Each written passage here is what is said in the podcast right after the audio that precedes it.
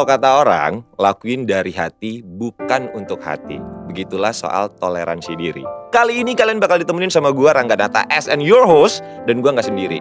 Punya bintang tamu. Dia seorang aktor muda, tapi ntar kita bahasnya. Siapa dia langsung aja? Andy Arvion. Tim pakai hati kita mana? Tepuk tangannya jangan malas. Oke. Makasih alhamdulillah. Gila kita udah lama banget gak ketemu ya Lama lama. Terakhir tuh syuting 2000 Pokoknya tahun lalu 2021.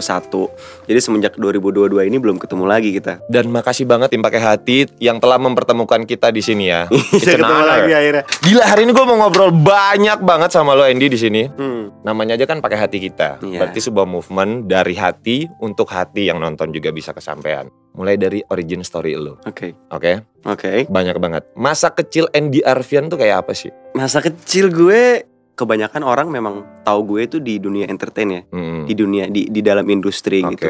Gue pun juga sedikit teman-teman gue yang di luar dari industri entertain. Bahkan hampir nggak ada gitu. Emang iya ya? Iya. Circle-nya? Circle gue emang di situ aja. Di Kenapa? situ-situ aja Karena Terus tambah gua sekarang iya. Tapi kan lo juga Masuk Di- gak sih? lo kan di, di entertain. Oh iya iya iya iya.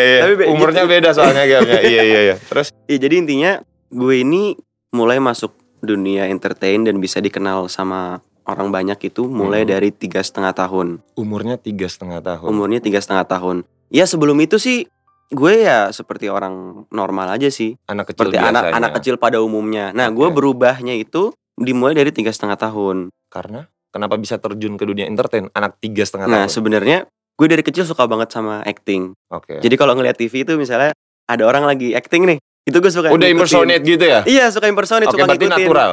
Udah muncul. Enggak enggak. Enggak, udah muncul dari bakat lu tiga setengah tahun gitu. Iya iya. Pokoknya Nonton terus lu jadi siapa Ja- gitu. eh, pokoknya selalu Oke. ngikutin orang yang ada di depan TV itu pasti gue ikutin. Misalnya tadi acting nangis gitu, terus gue ngikut-ngikutin. "Wah," gitu. Iya emang emang. Makanya dari kecil tuh kayaknya emang emang udah kelihatan. Heeh. Dan kebetulan memang alhamdulillah ada rezeki dikasih kesempatan untuk main di salah satu iklan Oke, gua tahu lagi tuh iklannya. gitu. Boleh ngomong gak sih iklannya yang hidungnya mampet, yang ini enggak ya? Nah, itu, viral salah banget. Satu, itu, Itu, salah satu. Andy Arvian itu. Iya, itu salah satu waktu kecil. Cuman Eh. bukan itu bukan pertamanya. Jadi sebenarnya pertamanya itu di umur tiga setengah tahun. Gue lagi jalan-jalan ke mall sama Hmm. nyokap. Tiba-tiba ada salah satu agency. Oh talent scout gitu ya? Iya, talent Oke. scout datang nawarin gue untuk syuting iklan, untuk casting, Oke. untuk casting iklan. Akhirnya gue casting iklan. Awalnya nggak kepilih, cuman setelah beberapa kali ngantri, nungguin, pokoknya beberapa kali casting, alhamdulillah dapat satu iklan, dapat satu iklan. Tapi setelah itu nggak berhenti berhenti. Langsung tuh. Iya, jadi gua misalnya selesai syuting nih, terus gue casting lagi, kepilih lagi, casting lagi, kepilih lagi, dan Wow. selalu kepilih. Akhirnya gue jadi bintang iklan waktu kecil. Wow. Gitu.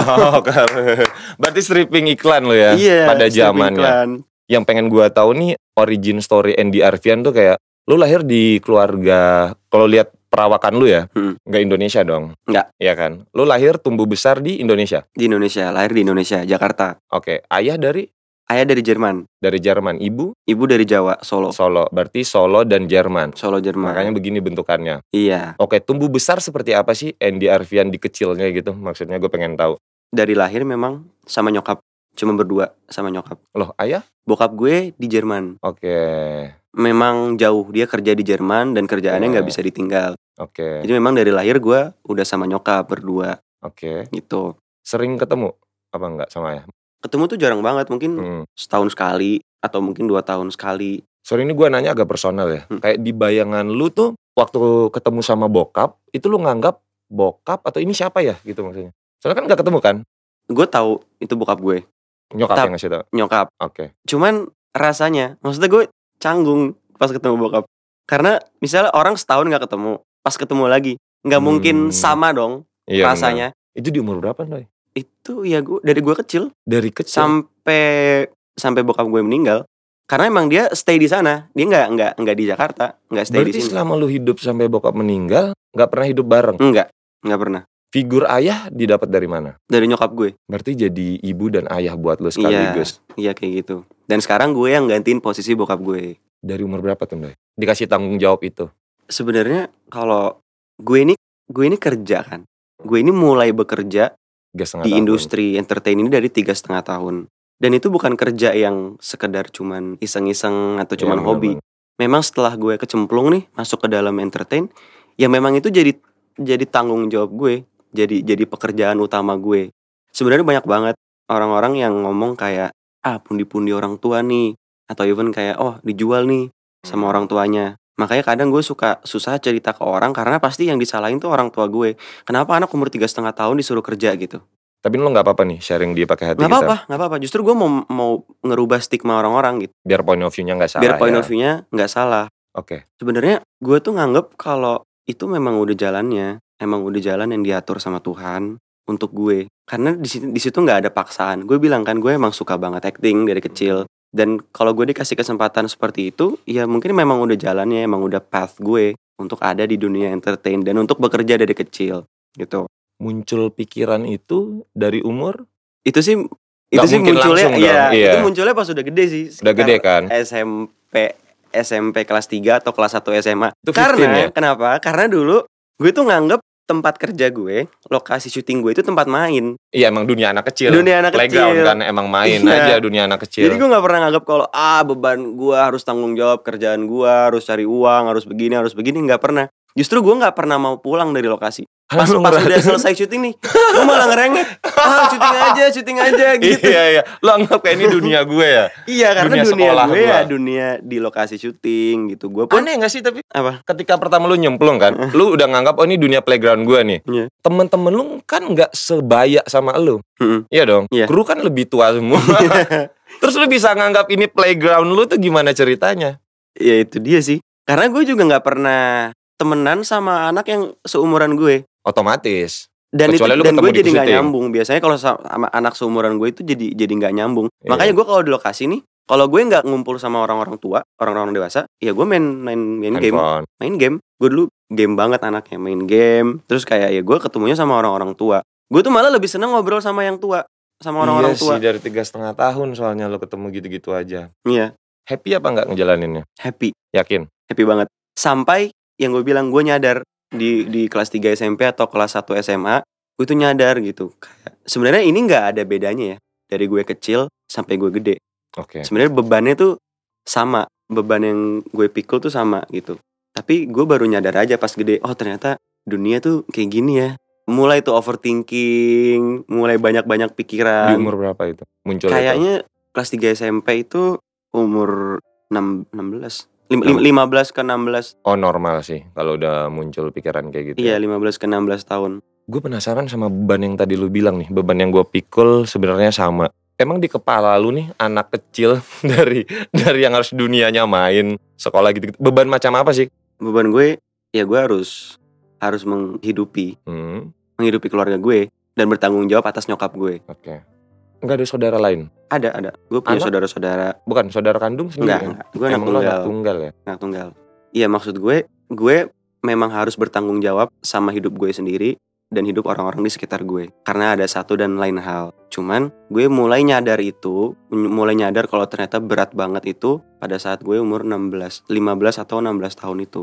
Marah nggak sama keadaan? Marah, Marahnya biasa ada tiga tipe. Lu bisa marah sama keadaan, reaksi lu. Lu marah sama orang tua, bisa kayak kok gini amat sih gue jadi anak. Hmm. Itu bisa. Atau lu marah sama Tuhan, gue marah sama keadaan, sama keadaan tok. sama keadaan dan Blaming ke nyokap, enggak, tapi Enggak sama ke ke bokap. Gue gue nggak pernah nyalain Tuhan sih. Nah, itu kan proses ya. Sekarang kan umur gue 21 dan proses Baru ulang tahun ya, happy birthday. Thank you, thank you. happy birthday Andy Arvian. Udah mature loh. Oke, back Agak to agak berat ya. agak berat ya. Iya, jadi- Soalnya tuh anaknya deep ternyata. iya, Iya kan lumayan. umur segini karena emang gak bisa nyalahin. Lu grow dengan lingkungan lo dari kecil ya Hmm. bergaulnya ya sama orang-orang lokasi Iya. gitu kan. Lu anggap ya udah playground biasa anak kecil kan pasti main di sekolahnya dia atau Iya. enggak nyokapnya masukin ke kumpulan anak-anak gitu. Iya. Lu kan enggak dari kecil udah ya udah ini ya dunia kerja tapi untungnya psikis lu masih ya udah gua kerja tapi ini dunia playground gua Iya. gitu. Ibaratnya gue jadi punya pelarian. Pelarian gue ya itu main game atau gue di lokasi tuh gue nggak bisa diem gue lari ke sana ke sini. Ya gue jadi nyari nyari hiburan untuk diri gue sendiri. Dan ketika gue capek, gue nangis. Abis gue nangis, selesai nangis ya udah, gue semangat lagi, syuting lagi. gitu aja hidup gue dulu dari kecil Reaksi nyokap gimana? Ketika Nyokap- lu marah sama keadaan. nyokap Sampai gue- nangis apa gitu-gitu. Nyokap tuh ngeliat lu gimana sih gitu? Ngasih Iya. penjelasan nggak? Nyokap tuh dia dia tuh menurut gue orang yang paling pengertian ya. Oke. dia juga nggak nggak menyalahkan gue ngerasain itu karena memang itu yang itu yang sebenarnya terjadi kan. Cuman gue baru sadar aja. Justru nyokap gue tuh malah nenangin gue sih. Nenangin gue dan dia dan dia selalu ngasih gue jawaban dari apa yang gue yang Lu bikin gue bingung yang yang gue pertanyakan. Dan banyak juga sebenarnya yang nggak ada jawabannya yang harus gue cari-cari sendiri. Dia nggak mau ngasih tahu, Enggak, takut karena nggak ngerti atau karena kan yang tahu diri gue cuma diri gue sendiri ya Iya betul. yang tahu apa yang gue rasain. Kadang gue ngomong sama nyokap pun mungkin dia ngerti di on the surface saja Oke. untuk di, di permukaannya, tapi di dalamnya lagi itu cuman gue yang bisa ngerti kan. Makanya se- sebenarnya hidup gue kan mungkin dibilang nggak normal. Karena gue- normal beda-beda soalnya ya. Jadi Iya, nggak nggak menurut bisa nih gue- gue ya menurut nge-decide gue- juga. menurut Hmm. gue gue nggak normal. Bukan berarti gue lebih lebih buruk atau gue lebih kasihan. Cuman gue bilang, lain kan. iya, gue Iya. cuma bilang gue nggak normal aja gitu. untuk umuran rates lu segitu ya iya, waktu gue nggak normal Oke. aja. Nah, dari nggak normalnya itu, gue jadi suka ngerasain kalau kok begini, kok begini, kok begini. Itu mengarah ke konteks podcast kita kali ini, Toleransi, toleransi diri. diri, itu self acceptance. Karena jujur aja gue susah sih, susah untuk nerima itu semua. Sekarang udah di umur 21. Apa nah, belum? sekarang mungkin udah 75% Oh, which is good dong Iya. kalau 75%. udah udah udah 75% dari dari 100. Jadi udah ngelewatin masa-masa sulitnya gitu. Gue gue nggak bisa nggak bisa ini sih bingung gue mendescribe feeling yang lo rasain karena emang gue nggak terlahir di background keluarga kayak gitu Mm. gitu dan kalau gue mau sok mengertikan lo juga nggak bisa gue cuman yang bikin gue penasaran siapa tahu bisa jadi movementnya pakai hati kita untuk masalah toleransi diri. Siapa tahu teman-teman yang nonton nanti punya kisah yang sama. Iya. terus pas nonton lu gue gue tahu banget apa yang dirasain Andy dan siapa tahu lu bisa ngasih pembelajaran yang bisa mereka referensiin dalam hidupnya mereka gitu. Hmm. gini sepengetahuan gue ketika lu lewatin hidup dari masa-masa sulit lu akan bertemu orang-orang yang tepat dalam circle lu. Berawal dari kebencian. Ketika lu ngerasain itu ada nggak orang-orang yang ngebantuin lu waktu saat itu dari intern keluarga dari teman dari ada. pacar gue nggak tahu ada. Andy ada pacar nggak sih Ada. ada oke Dulu nggak ada sih, dulu pas ngelewatin itu nggak ada nggak ada. jadi dipikul sendiri Sekarang ada tapi sekarang ada dong ada yang bisa di sharing kan bukan. Maksudnya yang bisa ngasih gue dari perspektif yang lain, dari sudut pandang yang lain. pacar salah satunya Rangga Natra. Waduh, it's an honor. Karena iya. Bang Rangga ini kan sama Hmm. gue kayak air sama minyak. Iya iya, gue terbuat dari api ya. beda banget sama gue. Iya iya, kebalik. apa yang Bang Rangga lakuin itu nggak yang nggak akan gue lakuin. Iya betul. Begitu pula sebaliknya kan. Iya, yang iya. gue lakuin tentu yang nggak akan lo lakuin. Iya betul. Cuman dari banyak ngobrol sama lo, makanya kita pas kita dari pertama kali kita ketemu, kita langsung nyambung. Nyambung banget. langsung ngobrol. Waktu itu kita lagi nunggu malam, tiga jam kita ngobrol di Iya, lokasi nggak syuting, putus. ngobrolin tentang hidup. Gue langsung ngerti kayak, iya tapi nggak ada salahnya juga ya kalau kita gini. Kenapa nggak gini aja? Kenapa nggak begini? Kenapa nggak begini? Iya benar. Itu Dan, sih. dan dan ternyata kalau dari yang gue pikirin semuanya, semuanya itu ada hikmahnya. Apa tuh hikmahnya? Untuk pekerjaan, un- untuk misalnya Ini berarti dari sisi pekerjaan dulu. untuk untuk Oke. untuk pekerjaan gue udah bekerja dari tiga setengah tahun gue udah ngalamin mental breakdown ratusan kali mungkin ribuan kali jatuh bangun nangis nangis sampai gue sakit tipes lebih dari lima kali dan gue harus tetap syuting karena gue dulu syuting sinetron nggak ada stok even lagi sakit orang kena tipes gue tetap harus berobat jalan enaknya tuh di sekarang kayak iya kalaupun ada ada hal-hal yang nggak sesuai sama ekspektasi gue Ini receh nih. Lo- ya, iya. Ini kerikil. lo, lo mau bikin gue jatuh nggak bisa bisa. Berarti privilege dong. gue ngedown nggak bisa Berarti privilege. privilege nah Karena nggak semua anak. di situ Iya hikmahnya di situ Hikmahnya sih. di situ. Benar benar benar benar. terus gue misalnya gue kurang deket sama bokap atau gue nggak ngerasain sosok ayah Ayah, figur ayah. sekarang yang gue rasain gue jadi bisa menggantikan dia malah gue gantiin dia untuk jagain nyokap gue dan gue selalu punya pendapat misalnya gini nih bokap nyokap Heeh. baru ke anak nggak mungkin anak yang ngatur bokap nyokap Iya, biasanya gitu kan ini pertimbangan nih bokap nyokap apa yang terbaik untuk anak Untuk anak. nah gue nggak ngerasain bokap gue jadi otomatis gue yang gantiin bokap gue gue dan nyokap gue fight buat kepentingan Andy. untuk kepentingan gue Iya. gitu privilege dong harusnya. privilege itu yang mungkin ngebuat gue jadi lebih dewasa karena gue juga harus mikirin permasalahan orang tua dan tanggung jawab orang tua juga Menurut gue lu keren sih. Bener, lu keren banget. Kenapa gue bilang privilege? Jadi ini kan ada plus minusnya kan. Mungkin kalau kita udah nggak bisa nimang-nimang nih, terlalu lu jatuh dengan gue marah banget sama keadaan. Kenapa gue dilahirin kayak gini-gini? Contoh nih gue posisiin ke diri gue ya. Kalau tadi dari yang lu bilang. Kenapa gue bilang lu keren? Karena lu dapat privilege, lu dewasa sebelum pada umurnya, Hmm. lu udah bisa bisa mikul beban keluarga, lu bisa fight dengan opini nyokap untuk mutusin lu sendiri. Sedangkan gua di umuran lu itu masih diatur sama orang tua Mm-mm. lebih privilege lu dong gitu even contoh kayak mau ke kanan ke kiri gue bingung gitu Mm-mm. tapi untung parenting emang keluarga gue tuh juga yang dilepas gitu loh Doy tapi lebih keren lu menurut gue gitu. Plusnya di situ. Untungnya lu ada point of view itu ya. Tapi emang lu udah sadar itu privilege atau baru-baru ini aja? Atau dulu emang lu marah? Nggak gue pikirin. Cuman itu gue rasain sendiri tiba-tiba. Misalnya gue dihadapin sama satu masalah gue pasti jadi lebih apa ya lebih cepat untuk Reaksinya. untuk bereaksi, Bereaksi. lebih cepat untuk mikir jalan keluar yang terbaik apa jadi gue nggak nggak nggak yang bingung ngambang kiri apa kanan kiri apa kanan enggak Ih keren banget itu malah. Lu tahu langsung kan decide. Iya. Ini gue harus lebih, ngapain lebih sering gitu. kayak gitu. Iya, dan nyokap ya. gue tuh tipikal yang yang harus ada gue. Karena dia karena mungkin emang gue dari kecil kan berdua doang. Banyak kan hal-hal positif yang gue terima. Cuman banyak juga hal negatifnya. Merilis gimana caranya lu ngerilis? Dengan kedewasaan dengan titik kedewasaan tertentu. Bentuk apa? Dalam bentuk apa? Oke. Coba tapi ada satu yang paling susah yaitu sebenarnya rilis kemarahan gue atau gue bisa ikhlas sama semuanya caranya itu yang sekarang sebenarnya gue masih masih berusaha juga Iya, berarti lu belum dapat ya? Belum. belum, belum nemu. Karena lu Belum. masih mencari tadi jawabannya. Iya, kan biasa orang kalau udah nemu cara rilisnya langsung jawab. Iya. Nah tadi gue bilang ini anak berarti belum dapat nih. belum Berat tapi dong I'm berarti. working on it Gak apa-apa, nikmatin aja proses hidup. caranya yang pertama gue find find my own happiness karena kalau gue udah bahagia gue nggak akan mikir hal-hal yang bikin gue sedih gitu. Mungkin dengan gue bahagia gue akan bisa ikhlas sama hal-hal yang udah ngebuat gue kayak sekarang. Ya toh udah diganti. Betul. toh gue udah bahagia sekarang. Bahagia menurut gue ya.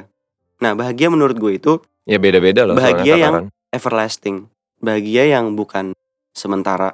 Bukan cuman sekedar impulsif atau mungkin adrenalin rush. Salah satu kebahagiaan gue salah satu caranya gue nggak banyak ekspektasi dulu tuh Bener. dulu tuh gue sempat iya, gue setuju. Iya. gue, gue kan dulu kenapa begini kenapa begini Iya, iya, dulu gue iya. sempet gue push abisin nih ekspektasi ya udah nggak usah nggak usah Gak ekspektasi usah, gak usah bener. kalaupun gue sempat mikir kalaupun emang gue ditakdirkan untuk nggak bahagia ya udah ya udah biarin aja gue lepasin semua Tapi emang Sindoy, karena kan the mind is everything. What you think you become kan. Hmm. Jadi lu udah bisa mikirin kayak gitu di umur segitu, itu uh semoga doa gue adalah lu bisa nemu cara rilisnya deh cepetan. Karena gue nggak bisa nge-push lu buat nge-rush. Kan itu emang harus lu lewatin prosesnya sih. Dan nggak apa-apa maksud gue. Nikmatin aja. Karena jujur gue di umuran lu, gue nggak tahu cara gue bereaksi kayak gimana. Bisa lari ke aneh-aneh mungkin gue. Iya. Gitu. Oke, gue penasaran dengan cara parenting nyokap. Parenting untuk ke Andy Arfian dari kecil tuh sampai sekarang kayak gimana sih? Nyokap gue emang luar biasa banget sih. Dari semua orang yang gue kenal nyokap gue itu orang yang paling sabar. Dia ngebesarin gue dengan cara yang benar dan tegas. Makanya dulu nyokap gue itu ngegantiin posisi bokap gue. Itu yang bikin gue bersyukur karena oh ternyata gue nggak salah dididik. Gue punya nyokap gue walaupun cuma satu ibaratnya cuma punya kaki kiri nih kaki kanannya nggak ada. Tapi dia bisa bikin seolah-olah dua-duanya itu jalan. Ada figur ayah ya dia. ada figur ayah karena dia tegas juga sama gue gue nggak pernah dimanja. Kalau emang gue salah ya gue salah. Ya pokoknya banyak banget hal-hal yang dia ajarin ke gue yang yang bisa gue aplikasiin ke kehidupan gue sehari-hari. Di masa sekarang ya saat gue dewasa. Kalau di dihitung ya di di, di compare kalau kalau di compare dari apa yang gue lakuin untuk dia dan dia lakuin ke gue pengorbanan gue dari kecil pun gak ada apa-apanya sih. Bunda pengorbanan bunda itu yang nggak akan pernah bikin Andy lupa. Ya walaupun Andy kadang masih suka ngelawan karena Andy juga mungkin keras kadang mungkin kita juga suka bentrok cuman pengorbanan bunda itu yang nggak akan pernah dilupa sih dari Andy kecil dari bunda hamil Andy bunda memang udah sendirian sampai ngebesarin Andy sampai Andy bisa jadi yang seperti sekarang ini. Andy cuma mau bilang makasih karena udah mau tetap ngurus Andy dibanding mungkin banyak orang tua, banyak anak-anak lain yang nggak seberuntung Andy. Mungkin ada yang udah ditinggal orang tuanya, mungkin ada yang dididik dengan cara kasar atau dididiknya nggak benar, tapi Andy bersyukur banget karena Andy bisa punya bunda dan Andy lahir dari bunda. Makasih banyak buat bunda. Gue tuh udah udah tahu lu dari lu tuh bekerja gini privilege-nya lu nih untungnya. Oke, emang lu direbut mungkin ya kasarnya ya hak childhood-nya Mm-mm. Nggak pada masa anak-anak normalnya. Tapi dari sisi karir lo tuh udah bekerja sama dengan sutradara-sutradara ternama Indonesia dari lu kecil. Film lu pertama yang masih bayi itu aja udah sama Om Pao. Maksudnya A-list directornya Indonesia. Yang lu jadi psikopat itu loh. Itu ada judulnya apa? Mau nonton Perfect lagi? House. The Perfect House. The Perfect House. Udah nominasi di mana? Di luar, ya kan? Iya. Perjalanan karir lo dikasih sama Tuhan itu mulus menurut gue, Mm-mm. ya kan? Betul. lo dikasih syutingan yang bukan bukan syutingan enteng-enteng gitu Iya. maksud gua. Ketika gua lihat IMDb lu wah ini anak sih ganas juga nih. Maksudnya showreel lu tuh kalau orang lihat bukan showreel ecek-ecek gitu. Lu kerja sama banyak dengan filmmaker filmmaker yang kelas A gitu maksud gua. Terus ketenaran lu juga udah pernah dapat film lu box office. Nah itu. Terus di lingkungan kerja lu bakal berkarir seumur hidup di industri ini apa enggak sih soalnya kan lu udah dapat semua nih menurut gua bosen kah atau menurut lu udah cukup atau atau lu mikir ini zona nyaman gua deh gitu di sini. Lu bakal di industri ini selamanya apa enggak? Kayaknya enggak sih. Oh ya? Iya. Padahal kan udah enak nih lu udah tau kayak duitnya udah masuk berapa. Orang udah tahu lu tinggal calling aja. Lu mau ngulangin dari nol lagi? Karena dunia entertain ini justru satu-satunya dunia yang gue tahu. Iya bener. Selama lu hidup ya. Betul. Hmm. Oh lu pengen buka jendela baru lagi pengen nih, buka jendela, pengen ngeliat hal-hal yang baru yang belum pernah gue rasain sebelumnya. Walaupun harus dari nol berjuang. Walaupun harus dari nol. Oke. Cuman maksudnya banyak hal-hal yang emang harus gue achieve dulu. Setelah gue ada di titik itu, baru mungkin gue akan mencoba hal yang lain. Tapi sebenarnya gue masih jauh banget. Perjalanan Oke. gue juga masih jauh banget. Bucket list lu emang apa aja? It's not about menang, Money menang, pasti atau money, menang men- menang, menang penghargaan. penghargaan gitu-gitu mah nggak masuk sih Enggak. menurut gue. Tapi Heeh. gue pengen orang kenal gue sebagai aktor. Menurut lu belum emangnya? Gue pengen di- lebih dikenal sebagai aktor aja. Kayak gue sebagai pemeran, pemeran film, pemeran Oke. eh, I play karakter gitu. Maksudnya kayak Ya. sebagai karakter, bukan sebagai Andy. Oke. Jadi misalnya orang kenal gue, oh ini si misalnya si Tony gitu. Ya kan gue pertama kali nyari lu karena Tony Iya. Yang lu gak balas DM gue itu Diungkit terus Nah jadi biar sahabat hati tahu ya Kelakuan Andy Arfian nih Buat eh, Apa nama fans lu? Andyers Andyers Andy first. Andy first Tapi gue akuin loh Ini buat fans-fans Andy tuh solid banget Paul bener, pernah ngalamin. bener, bener. Ini buat sahabat-sahabat hati Kalau nanti nonton Andy first Iya. Subscribe ya pakai hati Biar kalian masuk di Jangan lupa di subscribe. Tapi emang so militan banget fans lu. Ingat nggak dia datang ke lokasi, terus Iya. gua tanya udah ngefans dari tahun berapa, udah dari bertahun-tahun dan dari daerah-daerah mana gitu. Yang Karena gue pernah mungkin- cerita sama lo. Iya, karena emang lu pribadinya gini ya, jadi dapat fansnya juga yang solid. Coba kalau kayak orang yang eh, gitu, fansnya mungkin juga eh, gue gue bersyukur kayak banget sih. bercermin gitu kan sebenarnya. Gue Iya, bersyukur banget sih ada ada ada mereka juga. Iya keren. Jadi semangat mm, semangat buat bikin karya yang lebih bagus lagi, biar mereka juga senang, biar mereka juga bisa bangga sama gue. seneng gak punya mereka? Seneng banget, Berarti salah satu mood booster lu juga ya? seneng banget. Iya dong, Iya jelas kan? dong, Buat ini, jelas dong, buat lu hidup, jalanin karir, Iya. gitu-gitu. bener, Buat aktor-aktor lain atau buat lu toleransi diri tuh penting gak sih? penting, penting dan paling susah kan. Iya paling susah. Menurut gue ya, menurut gue pribadi dengan hal yang udah gue laluin, toleransi diri, self acceptance itu udah paling susah. Kenapa? Karena kadang kita udah berusaha, tapi kita nggak ketemu jawabannya, ngerti kan? Susah nyari jawabannya itu susah. Gimana caranya coba? Kita harus bisa ikhlas sama sesuatu. Itu nggak ada di di dalam teori. Kita harus Iya. Ya memang ngomong kan gampang, ya. Gampang, ya. udah ikhlasin aja. Ya udah ntar juga ada gantinya. Tapi kan nggak mungkin di dalam hati nggak mungkin. mungkin lo segampang itu. Nah itu sih yang paling susah. kita kan punya ego kan. Iya. Kalau sebagai aktor tuh lu punya ego banget pasti nggak mungkin nggak kalau lu nggak punya ego. Iya. Ini mungkin bisa jadi bagus juga buat movement teman-teman yang mau ke jalur lo jadi aktor di usia lo. Ketika menjadi aktor lo dapat karakter masuk ke sebuah peran, ego lu SND butuh toleransi yang gede dong biar lu bisa masuk ke karakternya. Ini gue pertanyaan ya bukan pernyataan. Menurut gue beda lagi sih.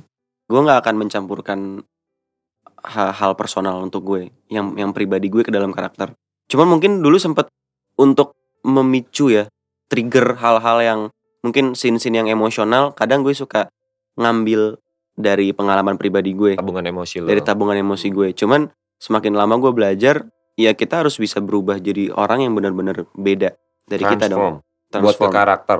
Menurut gue kayak gitu. 100% apa enggak? Enggak nggak mungkin. Iya gue setuju banget Nggak lagi mungkin. kalau enggak 100% nggak mungkin. Jadi emang toleransinya normal aja ya. Iya. Jadi kalau ngomongin masalah ego, nggak ada sih. Jadi kalau gue misalnya dap- dapat pe- peran nih, dapat karakter baru ya gue anggap aja itu kertas putih, kosong banget kosong. Nggak ada yang gue bawa dari ND-ND-nya tuh nggak ada. Cuman kalau ternyata memang mirip, ya udah ya udah gitu karakternya kan. yang nyari kan Iya, itu baru lu isi ulang gitu ya iya. soalnya kan kadang ada yang egonya gede banget sampai nggak mau toleransi Mm-mm. oke dapat karakter ini dari sutradaranya suruh eh gue maunya ntar kayak lu cara jalannya gini cara natap lu gini cara lu dialognya gini karena saking egonya kita nggak mau toleransi tuh Iya. enggak sepengetahuan gue bukan gini caranya bentrok jadinya Hmm. gitu gitunya Ya makanya kalau kayak gitu, yang main itu Andy atau karakter yang gue mainin, gitu Si aja. A lah tandanya oke tips untuk sahabat hati yang lagi nonton untuk bersyukur jadi manusia seutuhnya kasih tips dulu dong Aduh gue nggak, sebenarnya gue juga masih banyak harus belajar ya. Karena tema kita hari ini toleransi, toleransi diri, diri yang berhubungan dengan cara kita menerima diri kita. diri kita sendiri. Ya gue mau ngasih tahu teman-teman mungkin yang untuk anak-anak muda atau mungkin yang seumuran gue ya memang harus dijalanin dulu sih. Nggak bisa lo nyerah di tengah jalan. Mungkin dengan dengan ada hal yang lo bawa dari masa lalu menurut gue lo harus cari hal yang bisa bikin lo bahagia itu. Itu key pertama. Itu key pertama kedua. Yang kedua lo nggak usah berharap apa-apa. Jangan ekspektasi karena dunia orang. bukan cuma berputar buat lo doang. Iya sih benar gue Lo usah ngerasa hidup lo tuh paling susah gitu. Iya lagi. Karena banyak yang lebih susah dari lo juga. Iya setuju. Ta- Tapi iya Tapi kan Nah tapi karena itu tuh harus dihilangin tuh. Iya itu gue setuju banget poin yang pertama dan kedua. Hmm. gue checklist karena buat diri gue juga jadi buat teman-teman juga bisa nonton. Ketiga See the bigger picture oke nice. Kalau ngeliat sesuatu tuh jangan jangan cuman dari permukaannya Dari aja. permukaan. betul setuju banget. Jadi kayak lo harus ngelihat dari skala besar Cari perspektif-perspektif yang lain Kemungkinan-kemungkinan yang lain Sudut pandang yang lain. Kalau udah bisa ngelihat dari situ Hidup tuh bakalan jadi lebih enak gitu. Itu udah udah bisa mikir di umur segini buat gue sih keren banget lo tadi. Karena gue setuju banget semua tadi dengan tips-tips yang lo kasih untuk cara bersyukur ya. Dan jangan lupa buat hidup Hidup sebagai manusia. Betul. Andy Arfian terima kasih. Ya tim pakai hati kita terima kasih. It's an honor ya. Makasih udah Thank you. mampir ke sini Andy. Semoga movementnya bisa nyampe dari hati ke penonton yang nonton juga pakai hati. So one thing for sure your life could never be this much fun without pakai hati kita. Yeay.